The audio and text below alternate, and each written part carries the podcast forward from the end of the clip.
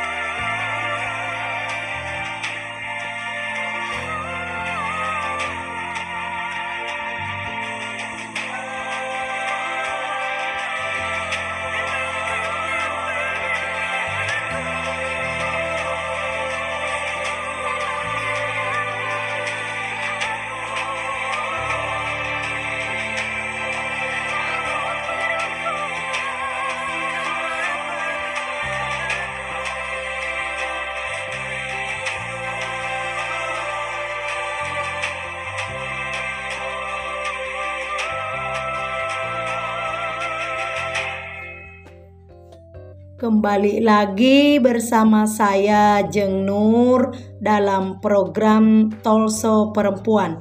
Dengan ini saya persilahkan kepada Ibu Lucy Palulungan untuk menjelaskan. Assalamualaikum warahmatullahi wabarakatuh dan salam sehat untuk kita semua. Pada kesempatan ini saya Lucia Palulungan kembali hadir bersama dengan kita melalui siaran radio hari ini. Pada kesempatan ini kita kembali akan membahas materi mengenai kekerasan dalam rumah tangga atau biasa kita sebut dengan KDRT. Redaksi sudah mencatat beberapa pertanyaan yang sudah diajukan oleh ibu bapak dan teman-teman sekalian seputar uh, kekerasan terhadap perempuan secara khusus kekerasan dalam rumah tangga apa yang harus dilakukan ke mana mesti melapor dan juga uh, jaminan kerahasiaan uh, bagi pelapor dan bagaimana melaporkan ke uh, pihak kepolisian. Baik, saya akan menjawab pertanyaan yang pertama apa yang harus dilakukan ketika melihat kekerasan terhadap perempuan atau juga e, secara umum kekerasan dalam rumah tangga. Nah, e, pemirsa yang bisa kita lakukan yang pertama-tama adalah kita harus memahami bahwa kekerasan terhadap perempuan atau kekerasan dalam rumah tangga adalah salah satu bentuk kejahatan e, terhadap e, kemanusiaan secara khusus pelanggaran terhadap hak asasi perempuan. Nah, olehnya itu hal ini sebenarnya merupakan uh, tindak pidana. Nah, ketika misalnya kita melihat ada uh, perempuan yang mengalami kekerasan, maka yang pertama-tama perlu dilakukan adalah melakukan pendekatan kepada uh, korbannya Mengapa? Karena memang tidak semua perempuan yang menjadi korban kekerasan itu memahami bahwa apa yang dialaminya ini sebenarnya termasuk kategori kekerasan dan e, sebenarnya sudah diatur dalam eh, undang-undang e, khusus. Nah, jadi kita perlu melakukan pendekatan kepada korban untuk memberikan pemahaman bahwa apa yang dialaminya adalah kekerasan. Ya, sebagai contoh misalnya e, seorang istri dipukul oleh suaminya, maka banyak sekali istri yang kadang-kala tidak paham bahwa apa yang dialaminya ini sebenarnya kekerasan. Atau misalnya seorang istri dibentak-bentak, ya, dimarahi, dimaki-maki oleh e, suaminya, baik itu e, di dalam rumah tangga maupun di e, luar rumah Eh, maka memang sebenarnya di dalam undang-undang penghapusan kekerasan dalam rumah tangga itu juga termasuk uh, salah satu bentuk kekerasan yaitu kekerasan psikis.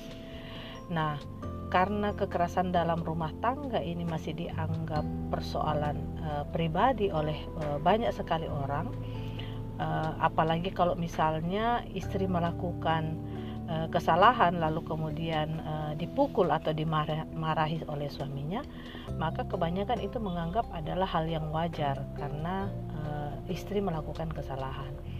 Padahal sebenarnya itu adalah bentuk-bentuk kekerasan. Jadi memang harus kita memberikan dulu pemahaman tentang bentuk-bentuk kekerasan uh, secara khusus kekerasan dalam rumah tangga. Uh, dalam materi sebelumnya kita sudah bahas bahwa ada empat jenis bentuk kekerasan, yaitu kekerasan fisik, uh, psikis, penelantaran keluarga, dan kekerasan seksual. Nah setelah itu kita memberitahukan bahwa Eh, hak-hak uh, korban itu sebenarnya sudah diatur di dalam Undang-Undang Penghapusan Kekerasan uh, dalam Rumah Tangga yaitu Undang-Undang Nomor 23 Tahun uh, 2004 tentang penghapusan kekerasan dalam uh, rumah tangga. Nah, ini memang perlu kita pahami karena banyak sekali orang masih menganggap bahwa persoalan kekerasan dalam rumah tangga ini adalah persoalan yang merupakan persoalan pribadi. Selanjutnya kita akan membahas pertanyaan nomor dua yang menanyakan di mana saya harus melaporkan jika suami saya memukul saya? Ya, eh, sehubungan dengan eh, pertanyaan ini, maka memang perlu kita ketahui bahwa ketika seorang perempuan atau seorang istri mendapat kekerasan dari suaminya, maka sebenarnya perempuan tersebut sudah mengalami yang dinamakan kekerasan dalam rumah tangga.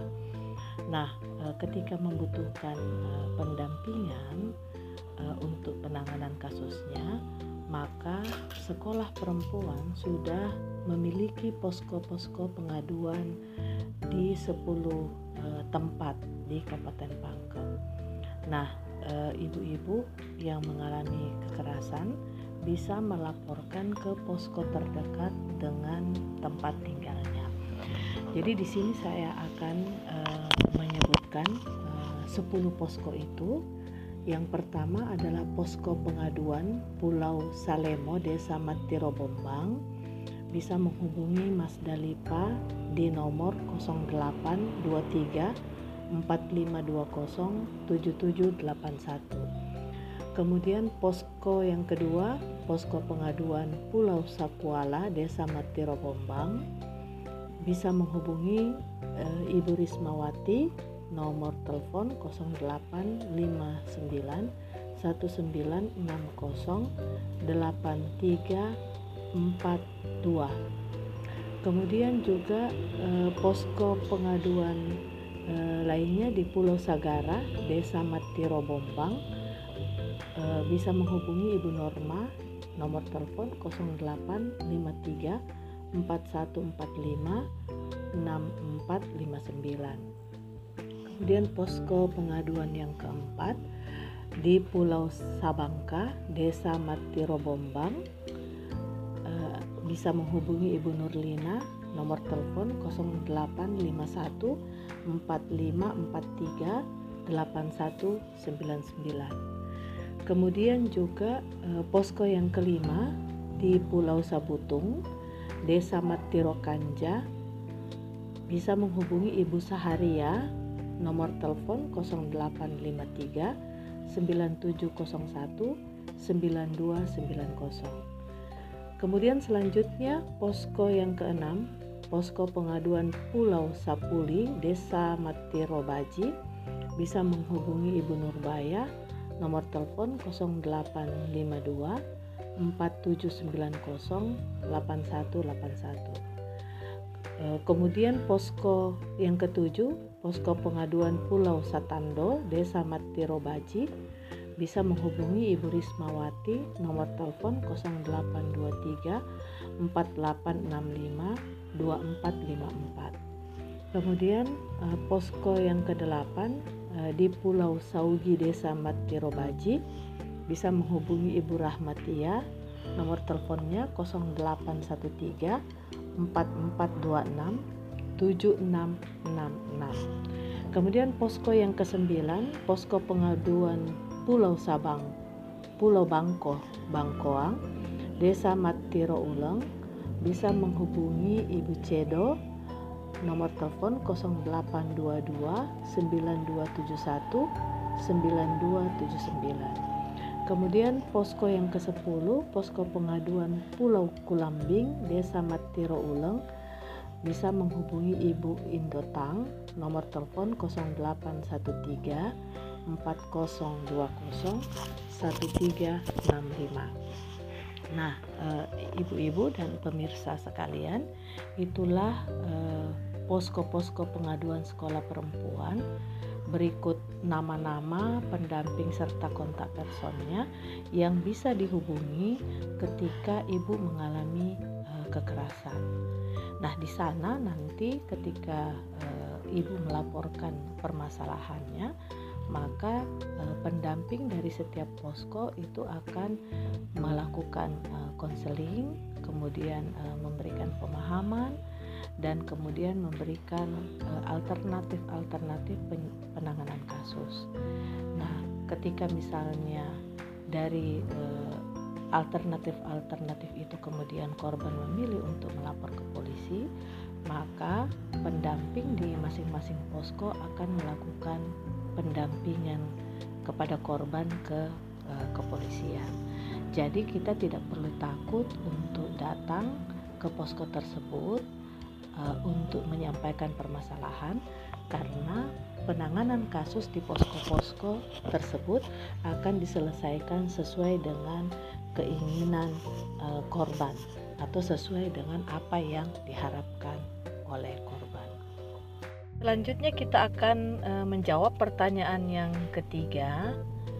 Bagaimana uh, kemudian ketika kita melapor ke kepolisian? Korban kemudian disalahkan oleh polisi ketika melapor. Nah, perlu kita ketahui bahwa seperti yang sudah disampaikan Eh, kebanyakan perspektif uh, umum atau masyarakat masih menganggap bahwa kekerasan dalam rumah tangga ini adalah persoalan uh, keluarga atau persoalan pribadi sehingga tabu untuk dilaporkan atau uh, disampaikan kepada pihak lain. Nah, ketika misalnya kita melapor dan kemudian mendapati ada sikap polisi seperti ini, maka sebenarnya ini melanggar uh, undang-undang penghapusan kekerasan dalam rumah tangga di mana seperti yang uh, sudah dibahas di dalam materi uh, sebelumnya bahwa ada peran uh, pihak kepolisian di dalam undang-undang PKDRT yang sudah ditetapkan. Salah satunya adalah polisi wajib menerima laporan dari korban yang mengalami kekerasan dalam rumah tangga dan wajib untuk menyampaikan hak-hak korban yang mengalami kekerasan untuk mendapatkan perlindungan. Nah, sebagai pendamping atau uh, sebagai orang yang menemani korban ke kepolisian, maka memang juga penting bagi kita untuk mengetahui undang-undang uh, penghapusan kekerasan dalam rumah tangga. Secara khusus di situ juga sudah mengatur tentang kewajiban pihak kepolisian. Sehingga kita bisa menyampaikan kepada pihak kepolisian bahwa uh, polisi tidak boleh atau tidak uh, diperkenankan untuk uh, memposisikan uh, korban pada posisi yang disalahkan.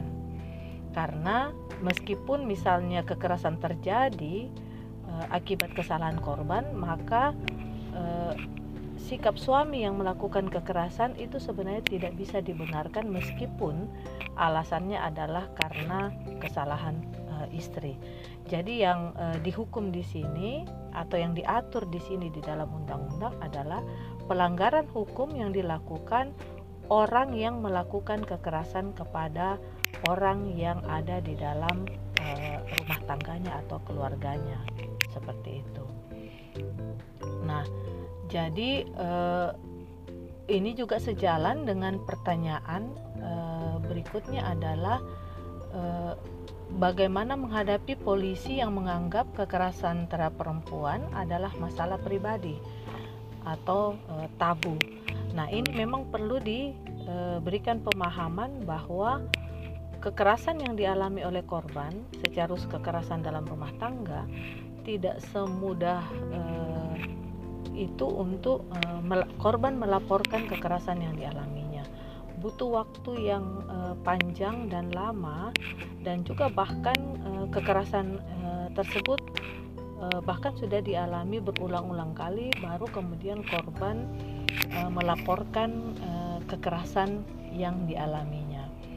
Jadi eh, perlu untuk memberikan pemahaman kepada eh, ke, eh, pihak kepolisian mengenai kewajiban kepolisian di dalam undang-undang eh, penghapusan kekerasan dalam rumah tangga.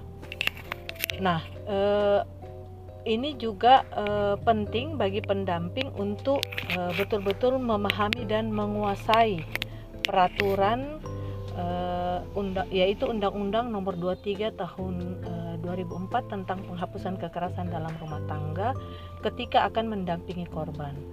Jadi ketika misalnya ada sikap dari uh, aparat uh, kepolisian yang uh, menyalahkan korban, maka kita sebagai pendamping itu berhak untuk menegur atau uh, mengingatkan kepada uh, aparat tersebut bahwa apa yang dilakukan atau sikap uh, dari uh, aparat tersebut itu tidak sesuai dengan apa yang diatur di dalam uh, undang-undang seperti itu.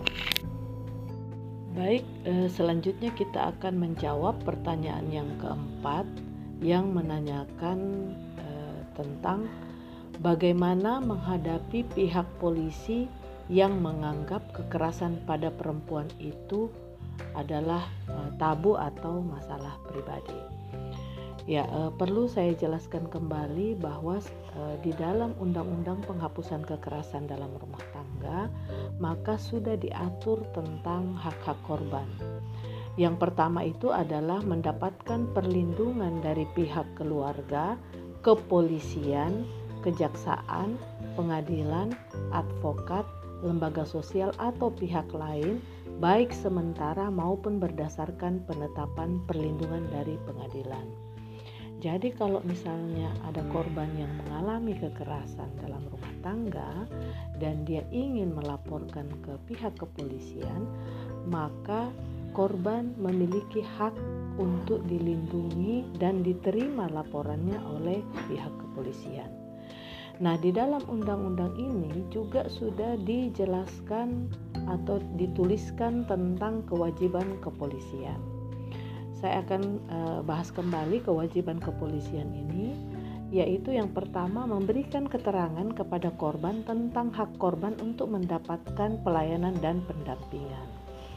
Jadi, ketika kita melapor ke kepolisian, maka polisi yang bertugas menerima laporan uh, kita itu wajib memberikan keterangan uh, tentang hak-hak korban untuk mendapatkan pelayanan dan pendampingan.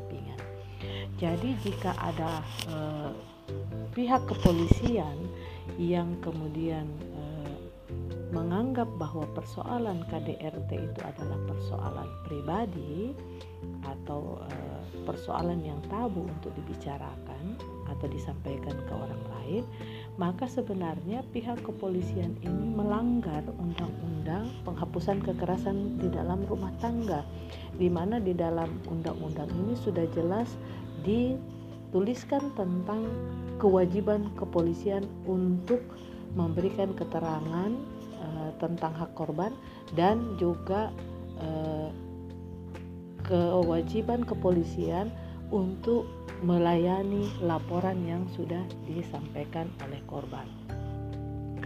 Nah, bahkan juga di e, ketentuan selanjutnya menyebutkan bahwa ketika misalnya laporan sudah diterima, maka pihak kepolisian wajib e, melanjutkan e, proses tersebut ke tingkat penyelidikan dan penyidikan. Termasuk sebenarnya salah satu kewajiban kepolisian adalah untuk melindungi korban. Nah, jika kita menemui kasus-kasus misalnya ketika kita melapor ke kepolisian dan ada sikap kepolisian yang menunjukkan bahwa eh, korban tidak boleh menyampaikan persoalan-persoalan rumah tangga atau keluarga ke orang lain atau ke kepolisian karena itu adalah tabu maka penting untuk memberikan pemahaman mengenai undang-undang penghapusan kekerasan dalam rumah tangga ini kepada uh, pihak kepolisian. Olehnya itu, uh, sebagai pendamping dan juga sebagai korban, sebaiknya juga mempelajari dan mengetahui secara seksama undang-undang PKDRT ini uh, ketika akan menempuh proses-proses melalui jalur yang formal atau litigasi. Jadi kalau perlu kita juga memiliki dokumen dari Undang-Undang Penghapusan Kekerasan dalam Rumah Tangga uh, ini.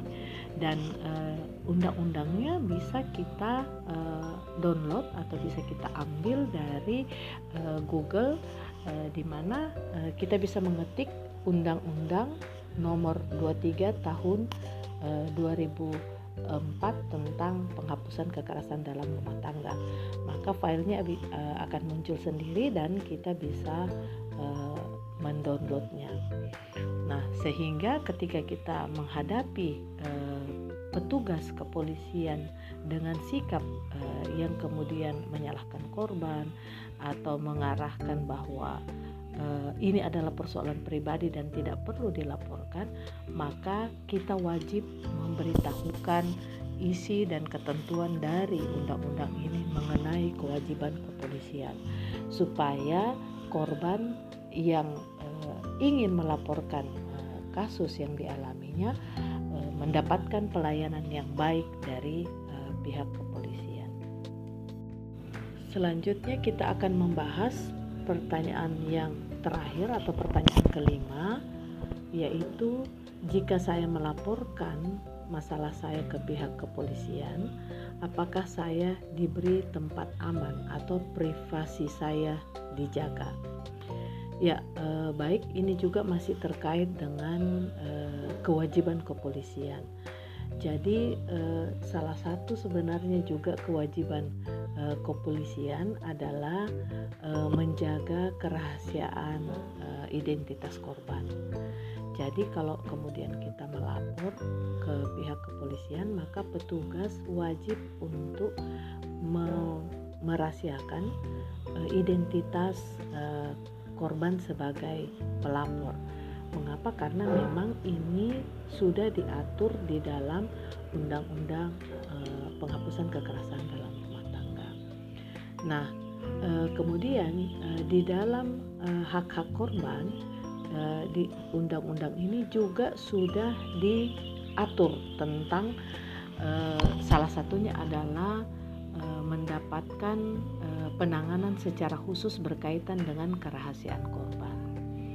Nah, ketika misalnya kita melapor ke kepolisian, di kepolisian ada uh, satu unit yang disebut dengan unit PPA, yaitu unit pelayanan perempuan dan anak di unit ini diisi atau ditangani oleh eh, pihak kepolisian yang sudah dilatih atau setidaknya memiliki pengetahuan dan pemahaman tentang eh, bagaimana menangani kasus-kasus kekerasan terhadap perempuan dan anak. Jadi eh, di unit PPA ini memiliki ruangan khusus, ruangan khusus tempat uh, pemeriksaan uh, berita acara uh, apa pemeriksaan korban dan kemudian uh, di dalam penanganan kasus uh, pihak penyidik tidak menggunakan uh, pakaian seragam tapi uh, mereka menggunakan uh, pakaian uh, sipil ya. Nah, jadi uh, di unit ini uh, kita akan dilayani uh, dengan baik karena memang uh, petugas kepolisian yang ada di unit eh, PPA adalah petugas yang sudah memahami betul peraturan-peraturan yang terkait dengan uh, kekerasan terhadap perempuan uh, dan anak. Jadi memang uh, unit PPA ini adalah unit yang khusus menangani kasus-kasus kekerasan terhadap perempuan dan anak. Nah, Eh, sehingga terkait dengan penanganan secara khusus berkaitan dengan kerahasiaan korban tentu saja mereka sudah sangat pahami sehingga mereka tidak per, tidak boleh untuk menyampaikan uh, kepada pihak lain uh, terkait dengan identitas korban. Dan uh, ketika misalnya kita melakukan uh, pelaporan ke kepolisian dan juga ada pendamping yang mendampingi maka tentu saja pihak kepolisian juga uh, akan berhati-hati uh, di dalam uh, penanganan kasus-kasus yang uh, kita laporkan. Intinya bahwa memang uh, pemahaman kita mengenai undang-undang penghapusan kekerasan dalam rumah tangga ini juga uh, harus kita uh, pahami ya oleh uh, kita semua uh, ibu-ibu uh, maupun juga bapak-bapak uh, sehingga kemudian kekerasan dalam rumah tangga ini tidak terjadi di dalam keluarga kita. Apakah kita sebagai pelaku atau juga sebagai korban. Karena sudah kita pelajari bersama bahwa bentuk-bentuk kekerasan dalam rumah tangga itu adalah pelanggaran terhadap martabat uh, kemanusiaan dan uh, negara sudah membuat peraturan uh, yang akan memberikan uh, sanksi pidana kepada orang-orang yang melakukan kekerasan dalam uh, rumah tangga. Uh, sehingga memang penting bagi kita semua untuk memiliki pemahaman hukum terkait dengan uh, kekerasan dalam rumah tangga sehingga uh, kita semua terhindar atau dapat menghindarkan diri uh, untuk uh, terjadinya kekerasan dalam rumah rumah tangga kita masing-masing. Demikian yang bisa saya sampaikan. Semoga ini bermanfaat bagi kita semua. Sampai jumpa di lain kesempatan. Salam sehat dan semoga kita semua berada di dalam lindungan yang Maha Kuasa. Terima kasih. Itulah tadi penjelasan tentang kekerasan dalam rumah tangga yang dibawakan oleh Ibu Lucy Palulungan. Semoga para pendengar memahami apa yang disampaikan oleh beliau dan bisa bermanfaat. Dan setelah ini kami harap tidak ada lagi kekerasan dalam rumah tangga yang terjadi di lingkungan sekitarnya. Saatnya Jenur pamit undur diri. Wassalamualaikum warahmatullahi wabarakatuh. Hei kamu yang lupa cara bahagia Ke sana kemari mencari cara Agar kamu merasa sempurna Dan berharap untuk diterima Semua